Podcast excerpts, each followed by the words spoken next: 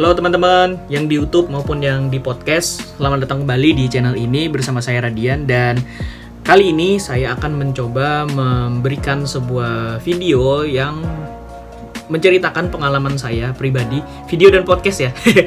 Karena ini juga diluncurkan episode di podcast. Nah, jadi video dan podcast uh, mengenai uh, membandingkan gitu loh, membandingkan antara belajar secara autodidak dan belajar dengan mentor. Kalau teman-teman mau tahu apa bedanya dan apa aja untung rugi di kedua metode belajar ini, silahkan dengarkan dan tonton video ini sampai habis. Yuk mari kita mulai.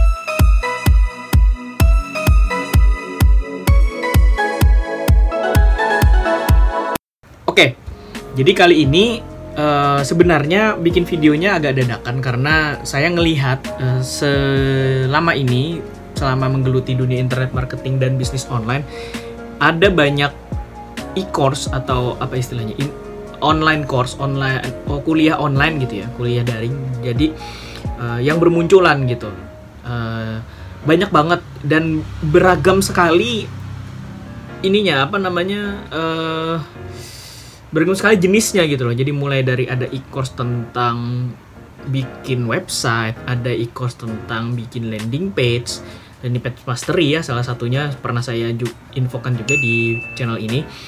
Ada e-course tentang affiliate gitu ya, ada e-course tentang bikin desain PowerPoint kalau nggak salah juga ada. Banyak banget banyak banget uh, ininya apanya macam-macamnya. Dan e-course tentang FBX juga ada itu udah berhamburan di mana-mana ada. Copywriting apalagi terus apa lagi ya web bikin website banyak lah pokoknya banyak sekali. Jadi saya kepikiran uh, gimana kalau saya membandingkan antara dua metode belajar. Yang pertama belajar dengan autodidak dan belajar dengan ngiringi mentor gitu ya atau dengan dibimbing oleh mentor. Uh, saya sendiri kebetulan menjalani keduanya. Jadi di awal saya belajar semi otodidak bilangnya karena saya ikut e-course atau online course gratis gitu ya dan ibaratnya memang itu mentor saya gitu tapi saya nggak bisa tanya jawab langsung dengan beliau karena memang ada fasilitas untuk diskusinya di website itu cuman uh, saya nggak nggak nggak berminat waktu itu nggak nggak tertarik untuk berdiskusi. Karena saya pengen fokus dulu sama dengan apa yang diajarkan oleh mentor online ini gitu loh. Nama mentor saya yang pertama adalah Andreas Nawawi. Dan setelah saya searching sekarang beliau jadi pendeta. Nggak nggak ngajar marketing lagi sepertinya gitu ya. Jadi uh, bersama dengan Pak Andreas Nawawi ini saya belajar uh, judulnya adalah The Art of Selling atau seni menjual gitu loh gimana caranya menjual. Jadi bener-bener belajar dengan secara basic banget tentang uh, dunia jualan dunia selling gitu ya. Uh, setelah ngikut kursus beliau gitu ya dan uh, sudah selesai materinya semuanya udah dikumpul gitu ya ada ujiannya juga kebetulan semuanya udah diuji materinya juga udah saya serap dengan baik. Terus saya bingung nih uh, apa yang harus saya lakukan dengan ilmu yang saya punya ini gitu loh. Sementara mentor nggak ada teman diskusi juga nggak ada gitu loh. Nggak ketemu nih komunitasnya masih masih meraba-raba gitu ya karena baru mulai kan. Jadi uh, saya mencoba uh, mencari gitu loh. Akhirnya kan ketemu dengan model bisnis dropship waktu itu.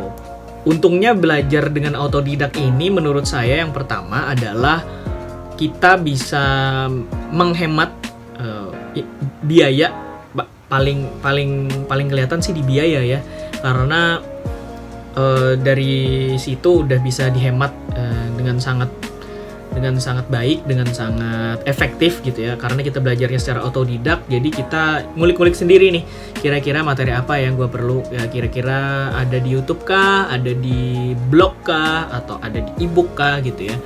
Nah dari situ belajar gitu ya ngulik-ngulik sendiri. Dan keuntungan pertama itu. Yang kedua uh, menurut saya uh, belajar otodidak kita jadi melatih insting bukan insting ya apa kemampuan menganalisa sesuatu. Jadi uh, misalnya kayak gini dalam satu materi pembelajaran entah itu video ebook atau mungkin apa misalnya uh, apalagi selain video dan ebook uh, tulisan artikel gitu ya uh, selain dari apa yang ada dituliskan, di diucapkan atau dibaca, ada ada juga kadang-kadang insight yang memang hidden gitu ya, tersembunyi kalau kita nggak menganalisa secara utuh gitu loh. Jadi dengan belajar otodidak kita bisa menggunakan uh, apa ya kemampuan menganalisa kita jadi lebih tajam gitu loh jadi kira-kira oh ah momennya apa nih di di video ini nih nggak cuman sekadar melihat materinya secara gamblang gitu ya tapi kita juga menelisik ke dalamnya apa aja sih yang di yang sebenarnya pengen disampaikan oleh pemateri ini gitu loh. Jadi ada dua ya keuntungannya untuk otodidak. Nah sekarang kerugiannya nih. Yang pertama kerugiannya belajar otodidak adalah kita pasti tersesat. Uh, saya sendiri merasakannya karena memang nggak ada mentor sama sekali jadi meraba-raba uh, aku pengen belajar ini nih tapi nggak ada yang bisa aku dis apa jadi teman diskusiku gitu loh. Pasti ada yang kayak gitu. Nyasar udah pasti karena nggak uh, tahu harus ke mana lagi gitu loh mengarahkan uh, il ilmunya. Selanjutnya mau belajar apa lagi kita nggak tahu. Karena memang nggak ada yang membimbing juga jadi belajarnya uh, random aja gitu loh. Ada ilmu ini ambil ada ilmu ini ambil. Nggak nggak secara apa nggak secara detail kita mendalami satu ilmu dulu. Misalnya copywriting ya udah copywriting yang di luarnya aja. Nanti ambil lagi FBH FBH yang di luarnya aja. Nggak mendetail yang ke dalam gitu loh. Itu yang pertama kerugiannya uh, ke apa? Ya benar. Kerugiannya yang pertama belajar otodidak. Yang kedua adalah waktu yang diperlukan juga pasti lebih banyak daripada belajar dengan mentor ya. Uh, seperti yang kita tahu ya namanya juga belajarnya random ya teman-teman. Jadi uh, apa ya? Ada banyak waktu yang harus kita gunakan, kita keluarkan untuk um, mengulik terinya gitu loh. Jadi kayak seperti yang saya bilang, uh, keuntungannya menganalisa, eh keuntungannya belajar otodidak adalah skill menganalisa kita jadi lebih terasa. Menganalisanya dengan apa? Dengan belajar setiap waktu jadinya. Kita menonton videonya berkali-kali, membaca artikelnya berkali-kali sampai ketemu oh ternyata ini tuh maksudnya. Nah itu perlu waktu teman-teman, nggak bisa yang langsung dalam satu kali tang tangkap satu kali baca itu langsung langsung dapet nggak bisa kalau kecuali memang punya bakat menganalisa ya oh ternyata begini tuh maksudnya nah itu mungkin bisa jadi menghemat waktu ya tapi untuk orang-orang awam yang kayak saya yang kemampuan analisanya nggak terlalu bagus jadi perlu waktu gitu loh mesti baca 4 sampai 5 kali bahkan untuk bisa menemukan apa maksud dari materi itu gitu. Yang ketiga ya namanya juga autodidak gratisan gitu ya. Kita hanya dapat uh, ilmu yang memang dibagikan secara gratis.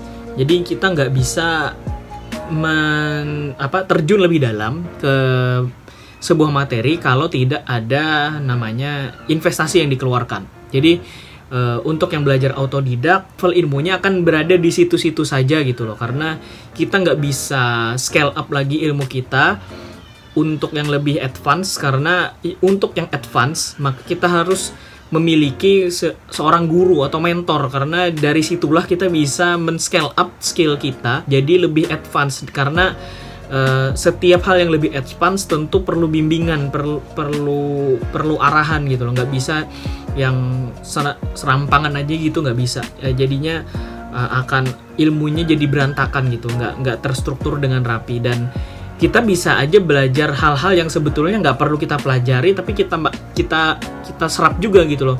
Sayang banget kan yang kayak gitu. Itu kelemahannya yang kalau misalnya belajar secara otodidak ya teman-teman. Terus kalau belajar dengan mentor gimana? Setelah sekian lama saya belajar eh, secara otodidak eh, saya mencoba memberanikan diri untuk belajar dengan dibimbing oleh mentor. Eh, Hal ini mulai terjadi ketika saya masuk ke menjadi seorang reseller drop apa dropshipper produk dan di sana memang ada mentornya gitu loh. Nah, dari situ saya mulai merasa oh, ternyata dengan belajar bersama mentor saya justru bisa lebih mengupgrade uh, ilmu yang saya miliki selama ini gitu loh. Gak semua gak, se semua hal yang di, dikasih tahu oleh mentor itu ada di materi yang gratis gitu loh, nggak ada. Jadi mentor itu punya punya pengalaman yang lebih banyak dari kita dan Uh, dari situlah kita bisa menyerap ilmu mereka dan menyerap pengalaman mereka menjadi sebuah skill yang baru yang bisa kita gunakan untuk mengupgrade skill kita jadi lebih baik gitu loh.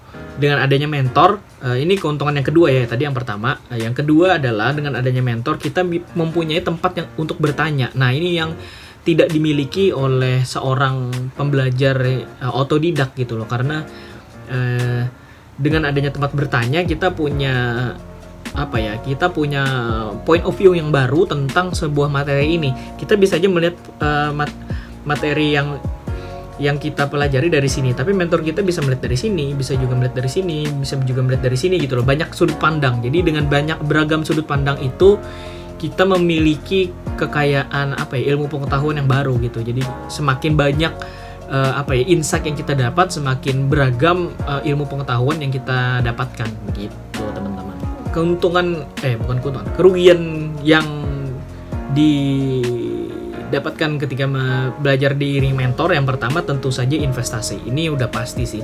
Gak semua orang mau berinvestasi untuk mengupgrade kapasitas dirinya itu udah pasti. Bisa terkendala modal bisa terkendala belum belum ada waktu. Ini biasanya alasan aja sih belum ada waktu. Emang emang gak ada modal aja gitu. Dan emang males yang terakhir males untuk belajar. Nah pahami dulu baik-baik konsep berinvestasi untuk punya mentor ini nggak sekadar kita belajar dengan bela oh, apa nggak sekadar mencari tempat untuk bertanya dan diskusi. Nggak cuman itu teman-teman. Jadi lebih dari itu. Jadi kita pengen jadi kita berinvestasi itu adalah pengen terhindar dari kesalahan dan tidak membuang waktu. Nah ini yang penting nih. Karena bela dengan belajar otodidak kita pasti menemukan kesalahan-kesalahan yang sebetulnya kalau belajar dengan mentor itu nggak perlu terjadi gitu loh. Nah itu yang yang per, yang apa ya yang tidak disadari oleh orang-orang yang nggak mau berinvestasi untuk bisa punya mentor dalam model bisnis yang mereka miliki gitu ya atau model bisnis yang ingin mereka pelajari. Yang kedua adalah eh, kita jadinya nggak buang waktu teman-teman mentor dengan pengalaman misalnya 10 uh, eh, anggaplah kayak Mas Aditya S gitu ya uh, mentor saya tentang affiliate marketing di Super Family. Beliau itu udah belajar digital marketing sejak tahun 2010 kalau nggak salah. Nanti deh uh, teman-teman cek aja cerita beliau di deskripsi nanti akan saya taruh linknya. Cerita tentang Mas Aditya S bagaimana beliau belajar gitu ya. Belajar tentang dunia digital marketing dan sampai akhirnya terjun sebagai seorang affiliate yang menghasilkan sampai sekarang gitu loh. Nah, kita uh, berinvestasi untuk punya mentor itu bukan untuk sekadar dapetin uh, tempat bertanya dan diskusi, tapi juga kita menghemat waktu untuk uh, tidak melakukan hal-hal yang tidak penting. Jadi dengan tapi bedanya dengan belajar otodidak kita selalu akan mencoba sesuatu gitu loh trial trial and error nah kalau trial and error berdasar belajar secara otodidak, maka uh, misalnya nih trial and error untuk 0 sampai 100 belajar otodidak itu diperlukan uh, waktu se selama 30 misalnya. Ini nggak ada satuan ya 30 aja lah, nggak tahu 30 tahun, 30 hari, 30 menit, nggak ngerti. Pokoknya gitulah. Uh, ini analogi aja ya. Kalau misalnya belajar untuk Eh, sampai ke level 100 belajar otodidak itu diperlukan waktu 30. Kalau misalnya belajar dengan mentor untuk mencapai ke angka 100 kita cuma perlu 5 atau mungkin 10 lah maksimal gitu ya. Nah, itu kelihatan banget ya bedanya bahwa eh, dengan belajar bersama mentor kita menghemat waktu kita untuk tidak melakukan hal-hal yang sebetulnya tidak penting dan tidak tidak tidak berdampak kepada uh, ilmu yang kita kita pelajari gitu loh. Nah, itu beda beda beda paling signifikan tuh adanya adanya di situ, teman-teman. Jadi apakah belajar secara otodidak itu tidak bagus? Oh, enggak juga, enggak juga karena belajar otodidak itu bagus. Ya seperti yang saya bilang di awal tadi bahwa belajar otodidak itu perlu untuk menanam mindset lah minimal menanam mindset dan sebagai fondasinya dulu deh. Kita udah punya fondasi nih belajar di otodidak. Kalau misalnya mau bikin yang lebih tinggi kita tentu harus keluar investasi yang lebih banyak gitu loh. Investasi waktu investasi uang gitu loh.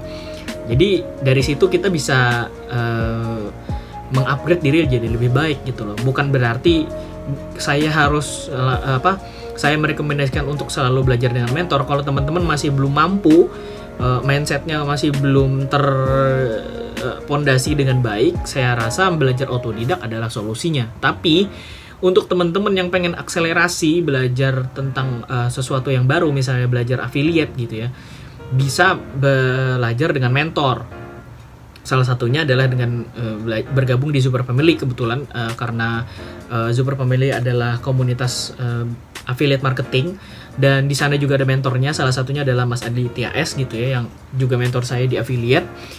Nah, di di sana akan dikasih tahu tuh pelajaran-pelajaran penting apa saja yang perlu kita kuasai untuk menjadi seorang affiliate marketer yang uh, baik dan benar gitu loh. Belajar sendiri juga boleh bebas kok. Banyak juga yang ngasih ebook affiliate marketing. Mas Dewa Eka Yoga ada buku ebooknya. Uh, bisa juga dipelajari dari sana gitu loh. Tapi uh, dengan cuman sekadar baca dari ebook, eh, saya juga punya ebooknya kebetulan.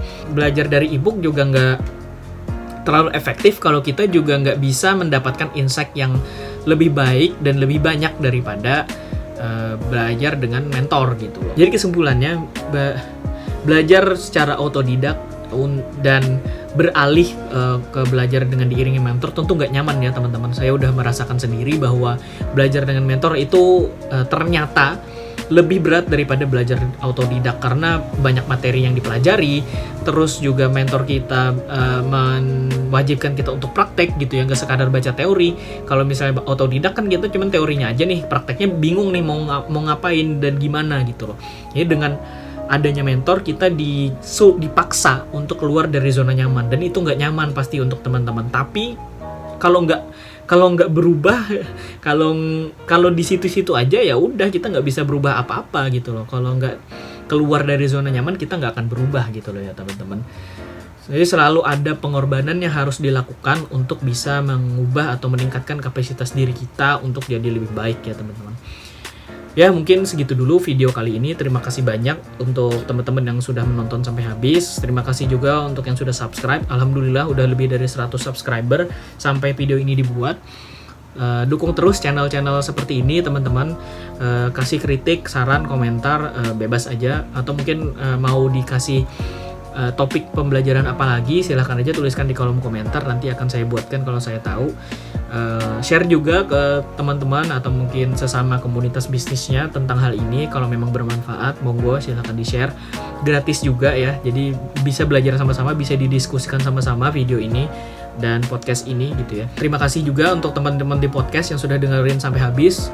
Uh, terima kasih sudah follow dan nge-share juga podcast ini ke teman-teman yang lain alhamdulillah. Sampai sekarang udah ada tiga. Baru tiga nggak apa-apa. Yang penting ada yang dengerin alhamdulillah. Terima kasih banyak ya teman-teman. Segitu dulu sampai ketemu di video-video berikutnya. Dadah